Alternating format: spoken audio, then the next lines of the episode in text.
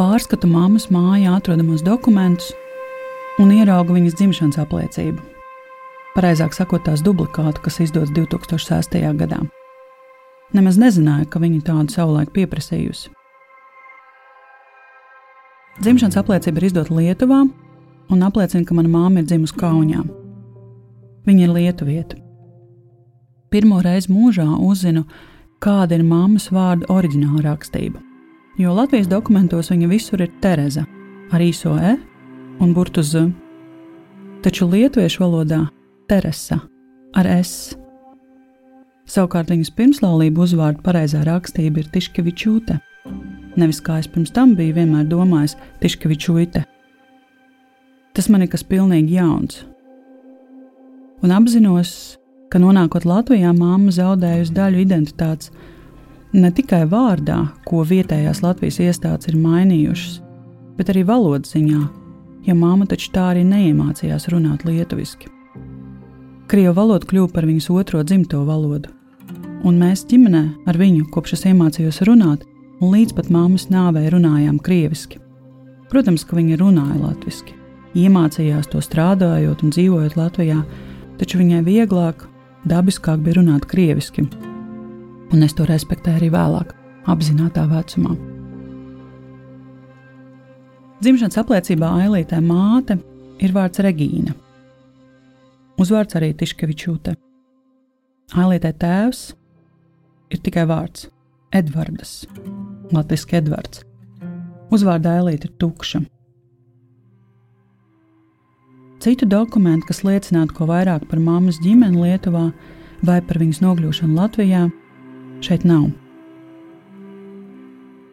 Kā viņa no Lietuvas nonāca Latvijā? Kāpēc mūsu dzimtes kokā mammas pusē ir tukši laukumi? Kāpēc viņa dzīvoja bērnamā, ja viņas māte bija dzīva un atradās Kaunijā? Kāpēc viss bija tik sarežģīti? Un kā lai es to visu uzzinu tagad, kad viņas vairs nav?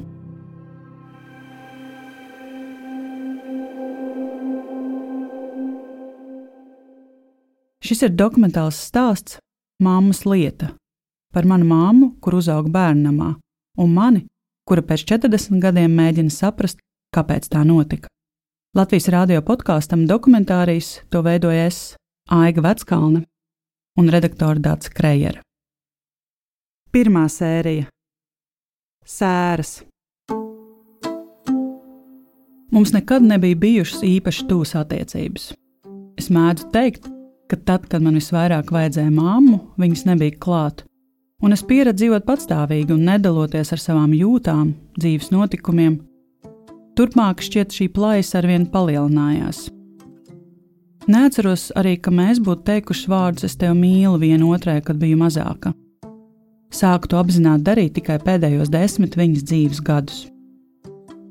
Kā jau daudzi pusauģi, reizes rakstīju dzēju. Tolaik īpaši izjūtu to, ka viņas manā dzīvē nav pietiekami daudz.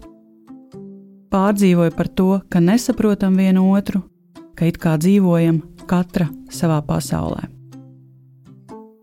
Tik daudz es gribu tev teikt, tik daudz, bet nespēju. Tik daudz es gribu tev dot, tik daudz, bet nespēju. Tik daudz man sirdī mīlas, tik daudz, ka ņem to, ņem un saglabā.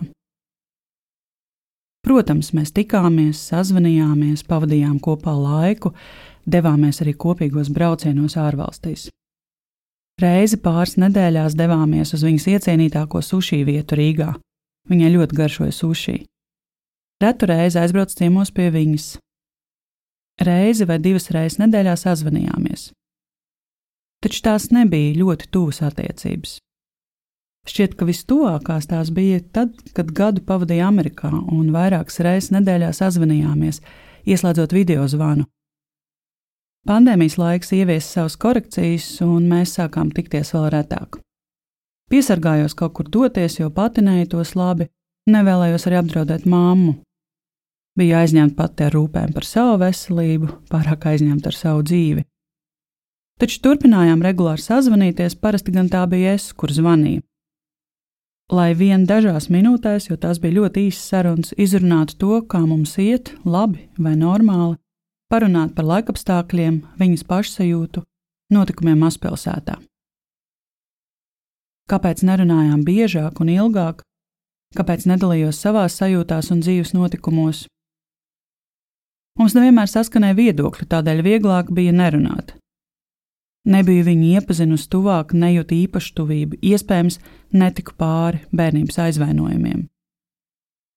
Tad, kad zvanīja mamma, gandrīz vienmēr nojauta, un tā gandrīz vienmēr izrādījās taisnība, ka viņa plāno īstenot kādu jaunu ideju, piemēram, iegādāties vidusāzijas aitu suni, vēlāk pitbullterjeru.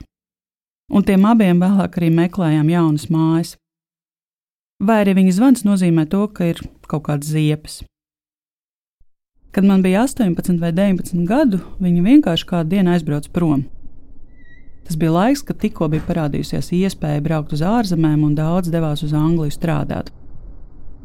Tas laikam toreiz nebija īpaši oficiāli un bija jāmēģina atrast kontaktus. Parasti tie bija vietējie darbā iekārtošanās biroji tepat Latvijā. Un atceros, ka reiz kādu dienu atbraucu mājās pēc lekcijām un atradu zīmīti, ka viņa ir aizbraukusi strādāt uz Lielbritāniju. Nesapratu, kas notiek, ko darīt, nebija ne mobilo telefonu tajā laikā, nekā. Biju absolūti nesagatavota šādai ziņai. Man nebija nekādas informācijas par to, kur viņa atrodas, kā viņa tur aizbrauca, par kādiem līdzekļiem. Māma atgriezās pēc trijām dienām. Izrādās, ielidojot vai iebraucot Anglijā, nebija neviena, kas viņu sagaidītu un palīdzētu iekārtoties. Vietējais Latvijas uzņēmums, kas solīja zelta kalnus, bija viņa piekrāpis. Un tad kaut kā ar vairākiem vilcieniem, kā viņa man toreiz stāstīja, māma ir devusies atpakaļ mājās. Sapnis par darbu ārzemēs viņu gan nepameta. Pēc 15 gadiem viss atkārtojās.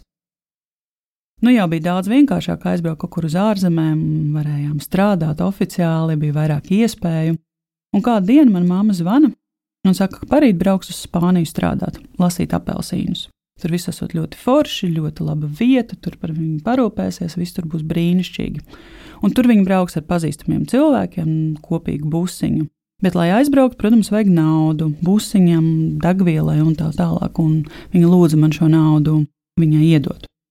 Protams, ka es to iedevu, bet uh, paralēli arī mēģināju visādi viņu atrunāt.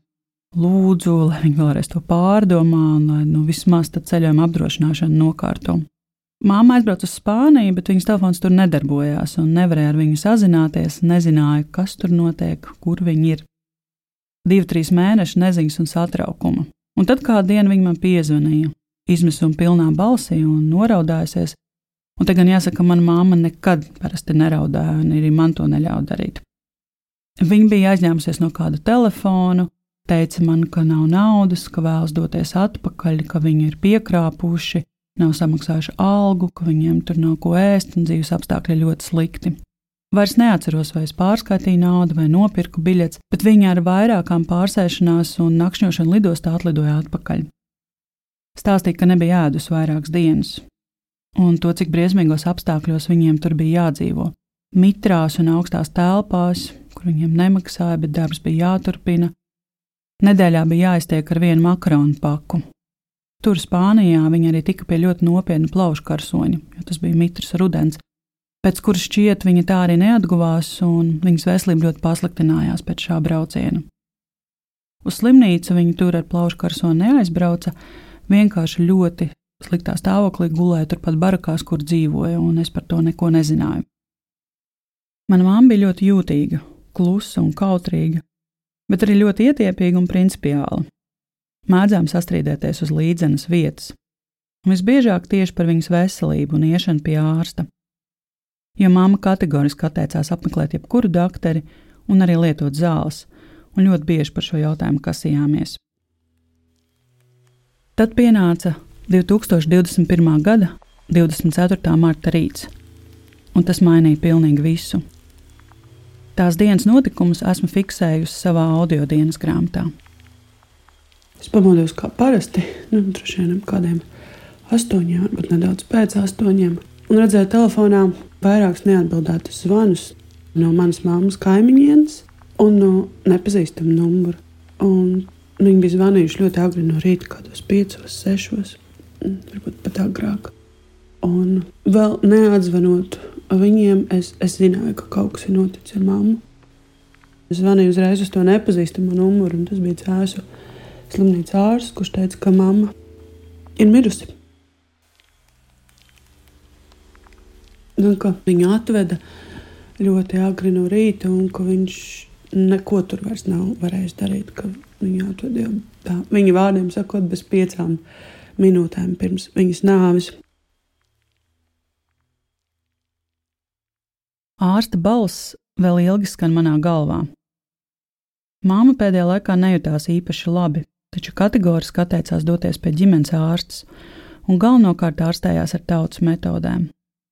Arī neteica, cik slikti patiesībā jutās. Sazinājāmies divas dienas iepriekš pa telefonu, un viņa teica, ka nejūtas labi. Es viņu rosināju aiziet pie ārsta un dot man ziņu, ja paliek sliktāk. Ja es būtu zinājis, cik slikti viņai ir, Es būtu braukusi, pierunājusi doties uz slimnīcu, pavadīt laiku kopā. Bet es nezināju, un šīs domas, kā būtu, ja būtu, mani vienmēr vajās. Labi atceros pēdējo reizi, kad tikāmies klātienē. 2020. gada rudenī. Viņa bija iebraukusi ciemos pie manis un atveda avens un sēnes no meža. Māmai līdzi bija tūs draugs un draudzene. Mēs sēdējām manā virtuvē, plāpājām un ēdām skābeņu zupu. Tieši todien izrādījās, ka mums tā abām ļoti garšo, arī sushi, ko bija pasūtījusi. Es biju ļoti laimīga tajā dienā. Turpmāk gan tikai sazvanījāmies. Atvadīšanās no mammas notiek krematorijā. Viņa bija tā gribējusi. Viņas draudzes mācītājs norunā sirsnīgu veltījumu, bet viena no māmas draudzenēm bez pavadījuma nodzied īpaši skaistu un smeldzīgu dziesmu. Cilvēki ir mazi, jo Covid laiks nosaka ļoti striktus ierobežojumus, un ceremonijā drīkst piedalīties tikai desmit cilvēki.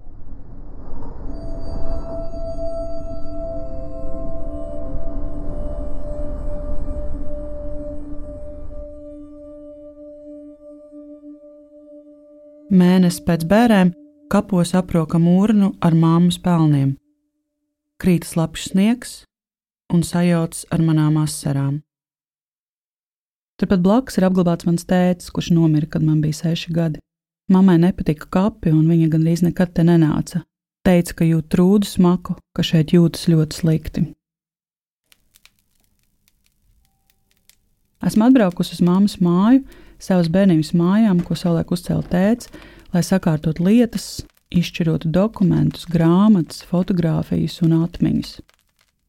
Ir pagājis mēnesis, un beidzot jūtu sevī spēku šeit atbraukt. Pagalmā deg liels ugunskurs, kurā metu visu lieko, sākot ar saviem studiju pierakstiem un beidzot ar nevajadzīgiem koka dēļiem.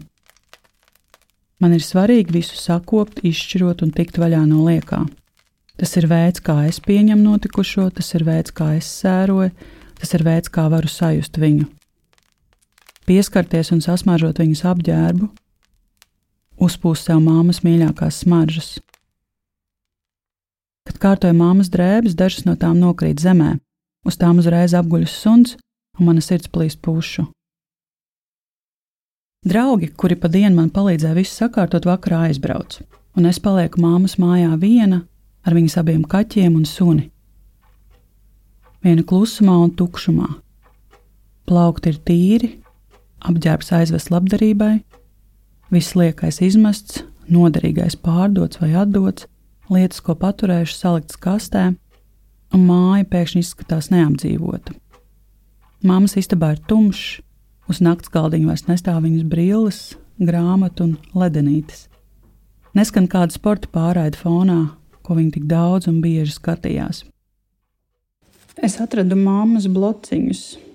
Tie tādi divi mazi blociņi, vienam vāciņam jau ir notrūkuši, bet nu, tiešām tādi 3 reizes 6 centimetri lieli blociņi. Es tos atceros jau no savas bērnības, ka viņai tāda bija ar krāsu, kad akvareli sakrāsotas lapas, kurām, piemēram, uzrakstīti nezinu, kādi logotipi uzzīmēti vai vienkārši sakrāsotas lapas. Tur ir ielīmētas dažu, dažu aktieru fotogrāfijas, Džeina Fonda, aktieris, kurš spēlēja Stirlicu.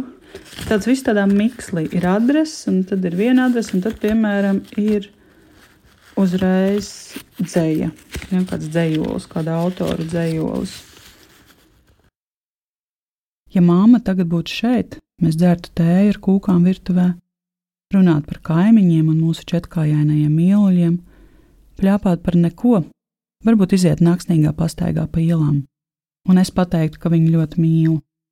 Visu laiku ir sajūta, ka tūdaļ ieraudzīšu viņas smalko augumu, gaišos matus, dzirdēšu viņas kluso balsi. Kad māma iedzēra, viņa man mēdz stāstīt par savu dzīvi, vai arī varbūt viņa to stāstīja saviem draugiem, un es to tikai noklausījos, ausis saspicējusi. Katrā ziņā atceros stāstus par laiku bērnamā, vēlāk bērnības Sigultas internāta skolā, jaunības notikumiem, pārdzīvojumiem, satikšanos ar manu tēvu Daugopilī un māmas jaunības dienu braucieniem uz Lietuvu pie radiem. Māma man mēdza teikt, ka viņas mamma bija savulaik atteikusies no viņas. Tāpēc diezgan droši zinu, ka mana māma uzauga bērnamā. Savulaik man pat bija teorija, ka mamma, uzaugot bērnamā un internāta skolā, nebija iegūsta ģimenes pieredzi un ģimeniskuma sajūtu, tāpēc to nespēja dot arī man. Laika gaitā es biju ieradusi sevi redzēt nedaudz kā tādu cietēju. Un arī lielākā daļa manas bērnības un pusauģa gada atmiņu ir saistīts ar emocionālo vardarbību. Vardarbību, kuras dēļ jūtu nepārtrauktu nedrošību un trauksmi. Ja es kaut ko neizdarīju labi, mamma klusēja un varēja dienām ilgi nerunāt ar mani. Pēc tam to iemācījos arī es un klusēju es savukārt. Kad viņi iedzēra, mamma man bieži pārmet visu kaut ko, pat lietas, kas neatbild patiesībai.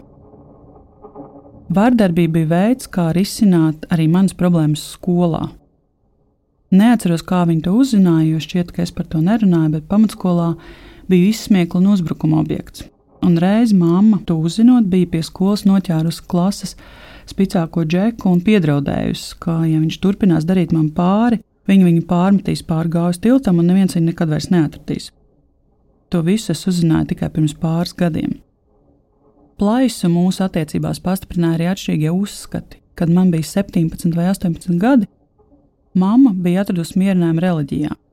Vairs nedzēra un gandrīz vai fanātiski uzskatīja reliģiju un dievu par vienīgo pareizo atbildi visos jautājumos.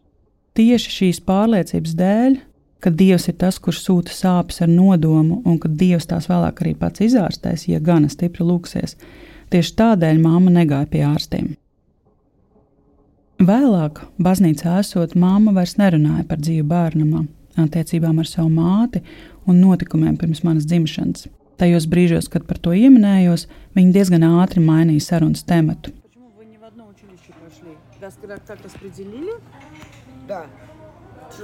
Kad gatavoju šo stāstu, mammas jaunības draudzene apstiprināja, ka mamma bija nolēmusi man neko nestāstīt.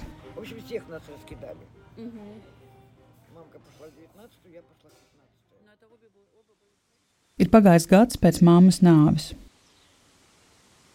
Arvien retāk redzu māmu sapnī, bet vienmēr ļoti dzīvi un spilgti. Man nepietiek arī dušas aizbraukt uz viņas mājām, jo šķiet, ka tas atkal atraus vaļā brūces. Labāk dzīvot tādā kā sastingumā. Tomēr beidzot tur ierodos, lai sagatavotu māju pārdošanai un parādītu potenciālajiem pircējiem. Ir silta vasaras diena, Zied augstās dzeltenās puķis, kuru nosaukumu nekad nezinu, bet kuras tik ļoti iecienījušas bites un kamens. Māmas dārzs zaļo, zum un smaržo. Plūts no krūma ērkšķogas, tās ir uzsilušas saulē un garšo pēc medus, gluži kā manā bērnībā. Trūks tikai mammas.